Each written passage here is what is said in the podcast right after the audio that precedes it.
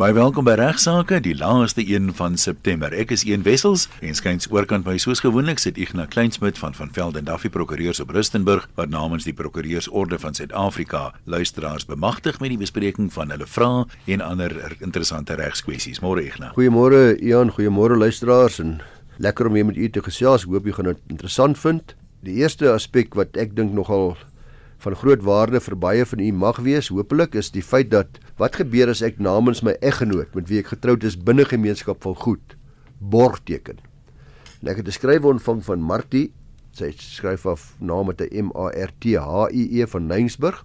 Sy sê haar man het 'n meelmakery begin na sy aftrede. En vir 'n ruk lank het dit nogal goed gegaan. Op 'n stadium het hy haar gevra om borg te teken vir die aankoop van duur hout wat hy bestel het en sy het geweier. Sy sê sy het nou 'n aanmanningsskrywe gekry wat wat sê dat hulle die uitstaande gelde moet betaal. Hulle is nou nog steeds getroud. Ek moes haar skakel uh om vas te stel hoe sy getroud is en sy sê sy is getroud binne gemeenskap van goedere en sy vra nou of die borgskap wat haar man wel sonder haar toestemming geteken het enigstens geldig is.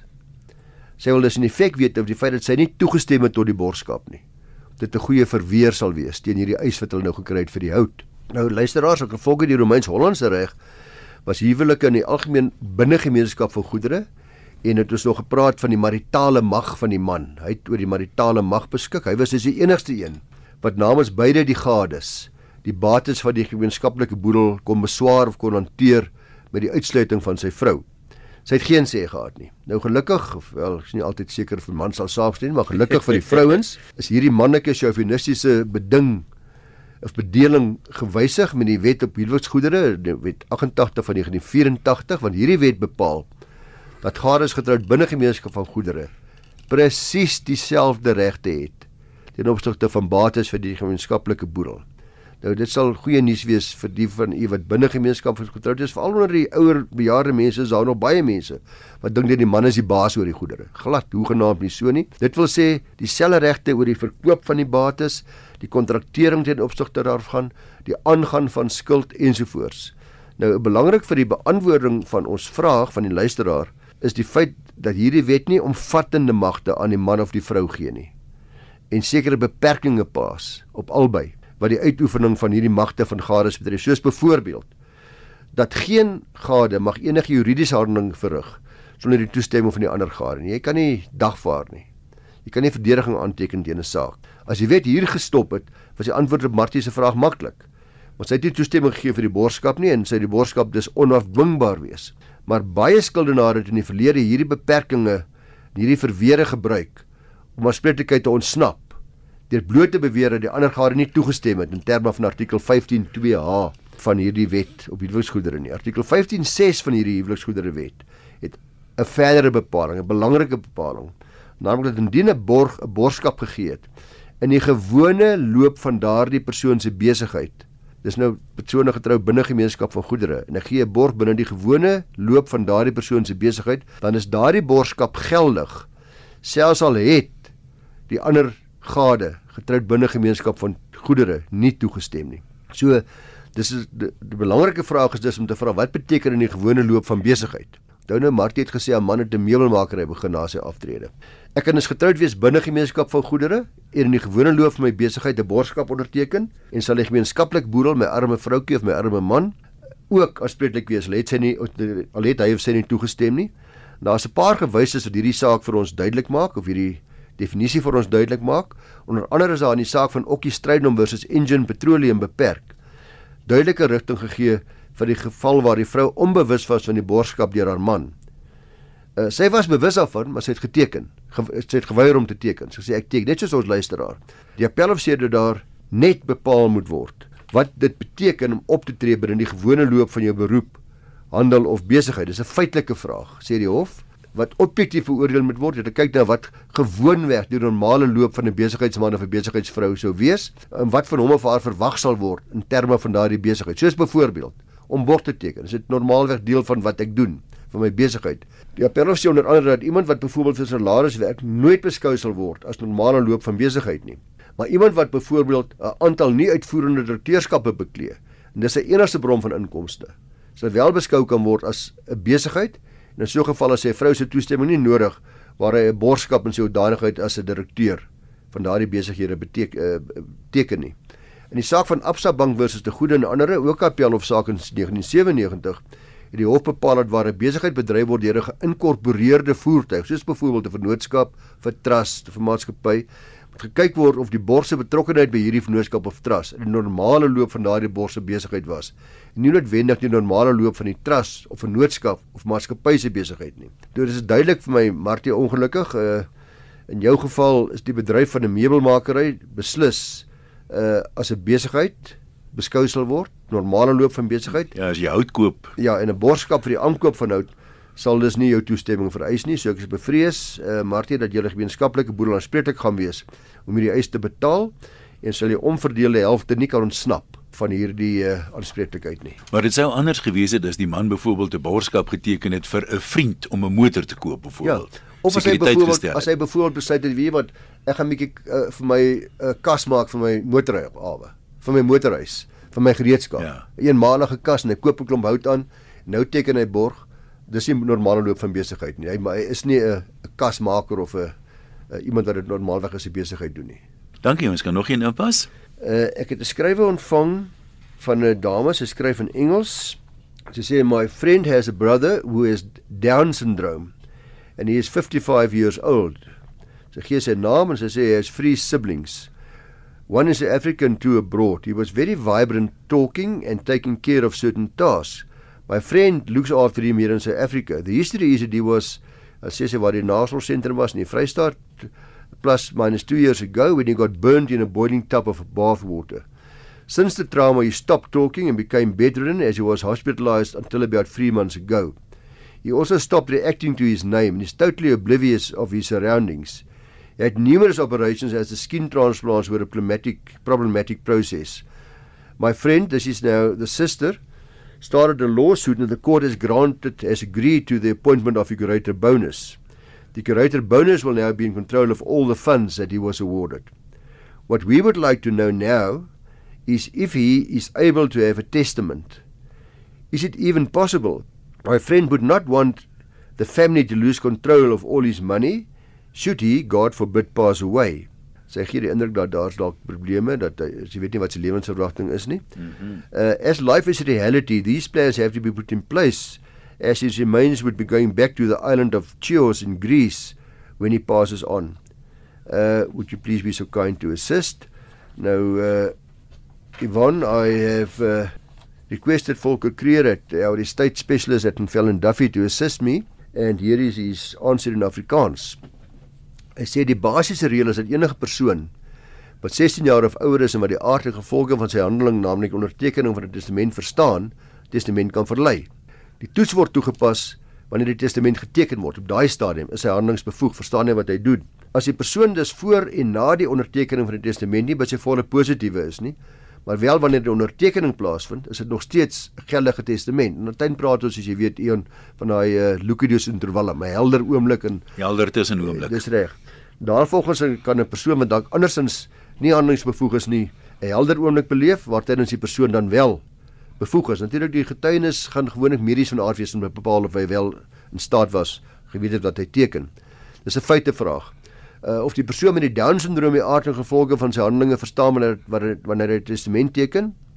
Uh, weet ons nie ek is nie 'n dokter of psigiater nie luisteraars maar uh, ek neem aan maar die dit, antwoord is nee. Dit wil lyk asof 'n persoon wat nie op sy naam reageer Correct, nie. Absoluut. So. Dit die feite wat sy hier sê dink ek in die meeste gevalle as 'n mens aanvaar dit is die antwoord is beslis nee, hy is nie handelingsbevoeg nie. So so 'n persoon sal in intestaat sterf. Hy sal dis presies wat gebeur. As daar nie 'n geldige testament verlei is nie, is daar 'n wet wat voorskryf wie moet erf. Dis die wet op intestate erfopvolging van 1987 en hierdie wet bepaal dat die ouers van die oorledene erf in gelyke dele waar hy geen uh, vrou of kinders nalat nie. As een van die ouers vooroorlede sou wees byvoorbeeld, sê hy nog net die pa of ma, sy pa of ma wat lewe, gaan daardie ouers se 50% van die boedel na die broers en susters van die oorledene gelyke dele. Dan sal die ma of die, die oorlewende ouer vir helfte erf en die broers en susters sal die ander helfte verdeel onder hulle. Maar albei ouers voor oorlede is en dit lyk my dis die geval dalk hier met ons luisteraars se vraag, gaan die hele boedel na die broers en susters van die oorledene in gelyke dele.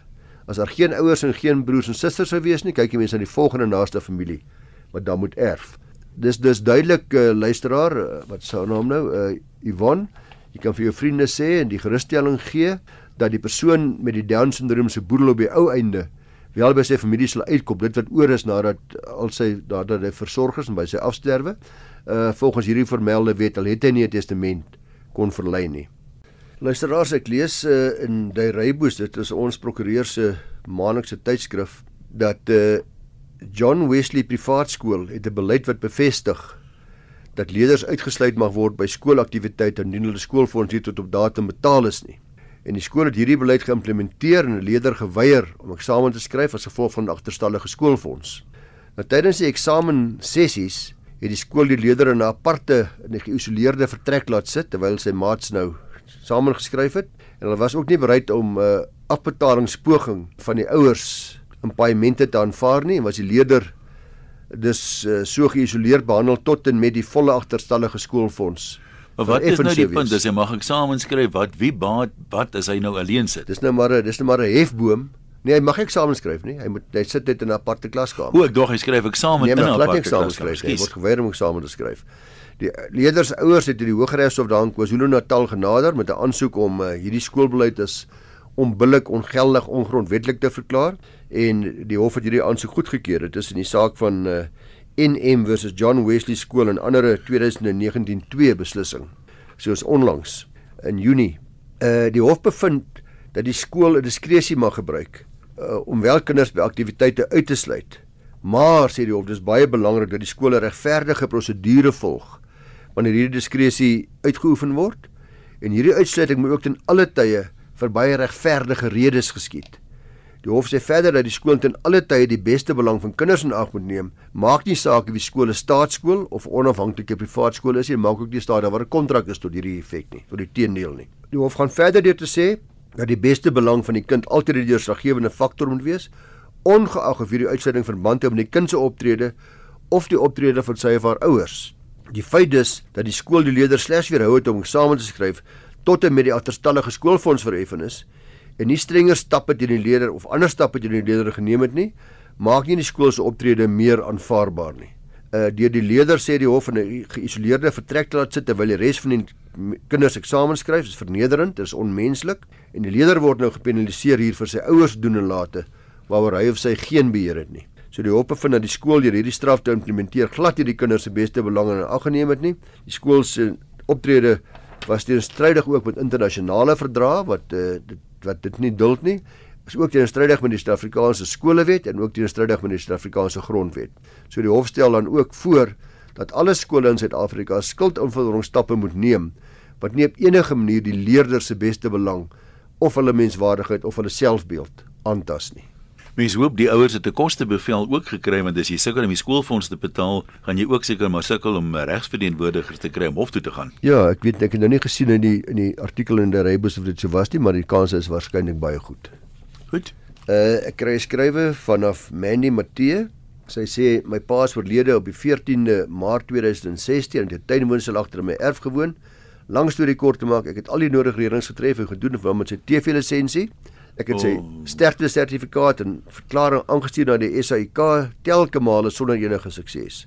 Hy het hulle gebel, ek het hulle gebel, e-posse gestuur ensovoorts ensovoorts. Dan nou is hy al oorlede in 2016, nê. Daarna het ek 'n oproep ontvang van 'n invullingsmaatskappy wat bevestig het dat die SAIK my oorhandig het. Eh, ek het self sy boedel hanteer, was 'n klein boedel as gevolg van die bedrag wat agterstallig is as ek dit nou oorhandig. Ek het weer die dokumentasie aangestuur en hulle moet weer te bewys wat aangaan. Ek het 'n tydjie gelede nou weer 'n rekening ontvang. Nou sê sê sy sê my enigste uitweg is nou as jy Balie hier kom, moet hulle hom op 'n begrafplaas toe neem. Sy het nou genoeg gehad sê sy. So uh Manny, ek en baie ander luisteraars het groot begrip vir jou frustrasies. Jy's beslis nie die eerste keer, eerste persoon nie en ook nie die laaste persoon wat presies dieselfde probleem het nie. Eerstens in jou geval kan ek net vir jou sê Die feit dat jou pa oorlede is in 14 Maart 2016 wys hierdie eis het al verjaar. Maar selfs as jy eis nie verjaar het nie na 3 jaar nie, vir al die ander luisteraars, die volgende advies: as jy verpes word deur 'n invorderaar of 'n skuldeiser, terwyl jy weet daardie geld is nie verskuldig, die bedrag is onverskuldig, kan jy dit regtig net bloot ignoreer. Natuurlik kan jy na 'n prokureur toe gaan en die kostes aangaan om dit te probeer bewys ensovoorts en alles daarmee saam, maar uh dis kostes wat dan jy jou sakkie moet betaal vir daardie konsultasie ensovoorts. Die beste is om dit bloot te ignoreer. Daar's niks fout mee om om 'n brief te skryf soos Manny gedoen het en te sê, hoorie, hier's die feite. Hier's die my pa het klaar betaal. Hy's oorlede. Hy skuld nie met die geld. Hier is kwitansies, hier is bewyse. Uh as jy dit wil doen, dit gaan dalk net seker maak dat jy nie verder gepla en verpes word nie, maar hou jou bewyse van betaling want daar is tog 'n kaas wat jy dalk mag dagvaar. Ek kan nou al vir u sê dat in die meeste gevalle 'n goeie voorbeeld is die is die e-tolgelde waar net die baie groot skuldeisers as voorbeelde gaan dagvaar en nie die kapasiteit het of die vermoë het of die lus het of die onkoste wil aangaan om 'n paar honderdduisend mense wat na hulle mening agterstallig is te dagvaar nie. So dikwels hoor jy nooit weer van hierdie tipe van skuldeiser nie. Ek kan nou nie namens die SAIK se invorderaars of prokureurs praat nie. Uh maar dikwels is dit nie die moeite werd om 'n dagvaarding uit te reik vir die wat dit kos 'n lisensie, R162 of wat ek nog al R184 of wat ek nog al dit mag wees nie. En as hulle jou wel dagvaar, dan is jy ongelukkig nie die dagvaarding kan ignoreer nie. Dis ook belangrik. Moenie die fout maak om te sê ek kan dit net ignoreer nie. Jy sal daai dagvaarding moet vat na 'n prokureur. Word sy dan nou gedagvaar in haar hoedanigheid as eksekuteur of wat want sy is tog nie die geld verskuldig. Wel, jy sien ek nee, ek praat nou nie meer van die boer nie, ek praat nou van enige ander mense, nee. In daardie geval is daar geen probleem nie want die eis het lankal verjaar. Uh maar as almal van ons word nog gereeld getuister met 'n uh, sake waar ons geen skuld meer verskuldig is nie, uh, dan moet u maar ongelukkige prokureur gaan sien. Jy kan self ook daar agter op die dagvaarding word voorsiening gemaak dat jy verdediging kan aanteken. Dat jy die eis kan self verdedig. Gaan aan die klerk van die hof toe voltooi daar jou verdedig, jy kan homself verdedig. Maar dikwels ook in die geval van 'n klein bedrag hier die einde sal wees. Maar meeste mense sal maar 'n prokureur gaan sien en hooplik die saak sal oplos sonder dat daar lang uitgerekte litigasie sal wees. Maar selfs as dit nou wel moet gebeur, dan kan ek nou al vir u sê as jy kan bewys jy het betaal, dan gaan hulle uiteindelik nie slaag nie, jy gaan 'n kostebevel teen hulle kry. Ongelukkig is daar nog steeds die frustrasie van daar's 'n verskil tussen prokurering kleinkoste en party en ja. partykoste, deeltjie moet nog deur u betaal word, maar dit gaan nie help om die balie begraflas toe te neem soos Manny dreig om te doen nie. Onthou maar net weer, die balie is bloot die boodskapper. So don't kill the messenger, moenie die boodskapper uh, hy doen maar net sy of haar werk, hy of sy. Hulle lewer maar net die dagvaarding af soos deur die hof versoek en uh, al wat ek maar net weer eens kan vra is beroep doen op hierdie groot koöperatiewe maatskappye om seker te maak dat hulle invorderingsproses billik en redelik is en dat dit regverdig is dat mense nie getuister word uh, soos in hierdie geval nie. Kyk, swak rekordhouding is nou maar deel hiervan. Ek meen as jou rekords op datum was, dan sou jy mos nou gereageer het op die eerste of die tweede sterfte sertifikaat wat gestuur is. Ja, en dit wil stel hulle een uh, stel die groot maatskappye een prokureur of 'n paar prokureurs vir my af en elkeen kry 100 000 eise om te administreer. Mm. Dis gewoonlik niks meer die invorderaar uh, poog maar net deur middel van bangmaakbriewe uh in die hoop dat 'n paar persent van die mense gaan betaal en uh op daai wyse word daar dan uh, wel sukses ge, uh, gemeet. Ek weet nie wat 'n waar storie is nie, maar ek het dit vir die waarheid gehoor. Kom ons sê dit was meneer Smith wat oorlede is en uh, sy kinders stuur toe ook afskrifte van die sterfte sertifikate vir uh, die lisensie afdeling en sê maar die man is nou oorlede, hier is die bewyse en so aan en so aan. En die volgende rekening wat hulle kry, is net 'n klein bietjie gewysig. Wat dit altyd gerig was aan meneer John Smith, is dit nou gerig aan the late Mr John Smith. ja, ek weet nie.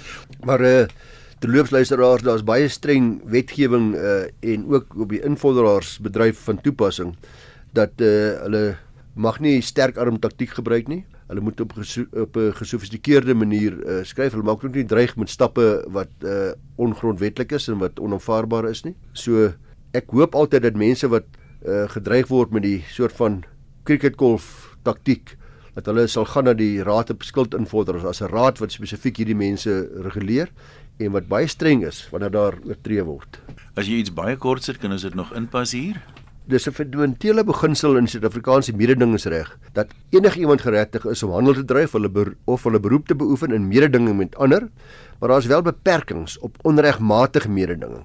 En die vraag is wat behels dit altyd? Mededinging is onregmatig indien dit onregmatige inmenging is met 'n ander se regte as handelaar wat dan skade aan daardie ander handelaar veroorsaak of diensverskaffer.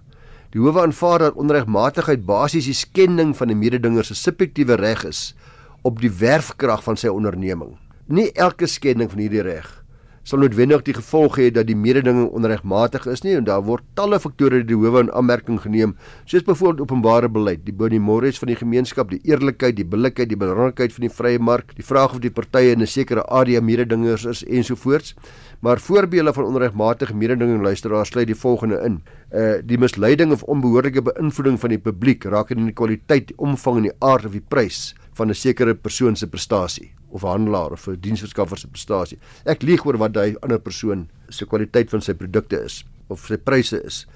Of navolging of nabootsing van die mededinger se onderskeidingsteken, byvoorbeeld ek gebruik sy naam of sy logo, is ook onregmatige mededinging. Of ek uh, die omkoop van 'n kliënt of potensiële kliënt se werknemer, ek koop mense om nuus na my toe te kom en nie by daardie persoon hulle besigheid te doen nie of die verkryging en benutting van die handelsgeheime of vertroulike bedryfsinligting van die mededinge. Nou dis belangrik hierdie wat ek eintlik oor wil praat, die verkryging en benutting van die handelsgeheime of vertroulike bedryfsinligting van 'n mededinger. Nou vertroulike bedryfsinligting of handelsgeheime word algemeen beskerm, maar hierdie beskerming is nie absoluut nie.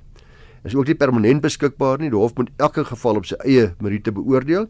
In die saak van Pexmark CC BK versus Mokke Konstruksie Eienaars Beperk het Mokke Konstruksie vir Pexmart en 'n vorige werknemer Hen gedagvaar vir onregmatige mededinging. Uh Hen en Mokke Konstruksie het albei handel gedryf in die omleiding van staalpype. Dis hierdie wat in die mynindustrie gebruik word. En Hen het in 2011 by Mokke begin werk waar hy kennis opgedoen het in die spesifieke tegniek van Mokke Konstruksie, 'n tegniek waarvoor hulle die eksklusiewe reg en gebruikslisensie gekoop het. En in 2013 is hy in sy dienskontrak toe beëindig en het onmiddellik direk by die oppositie begin werk. Dis by Pexmart waar hulle nou toe uh natuurlik mededingers geraak het om dieselfde produkte verskaf aan dieselfde groep myne. Mokke Konstruksie het die hof genader en beweer dat hen gebruik gemaak het van vertroulike bedryfsinligting en handelsgeheime nadat die hof verskeie faktore in ag geneem het, insluitende die eksklusiewe reg en lisensie van Mokke Konstruksie, asook hen se versuim om te getuig en sy eie weergawe te stel het die hof in Mokke Konstruksie se guns bevind.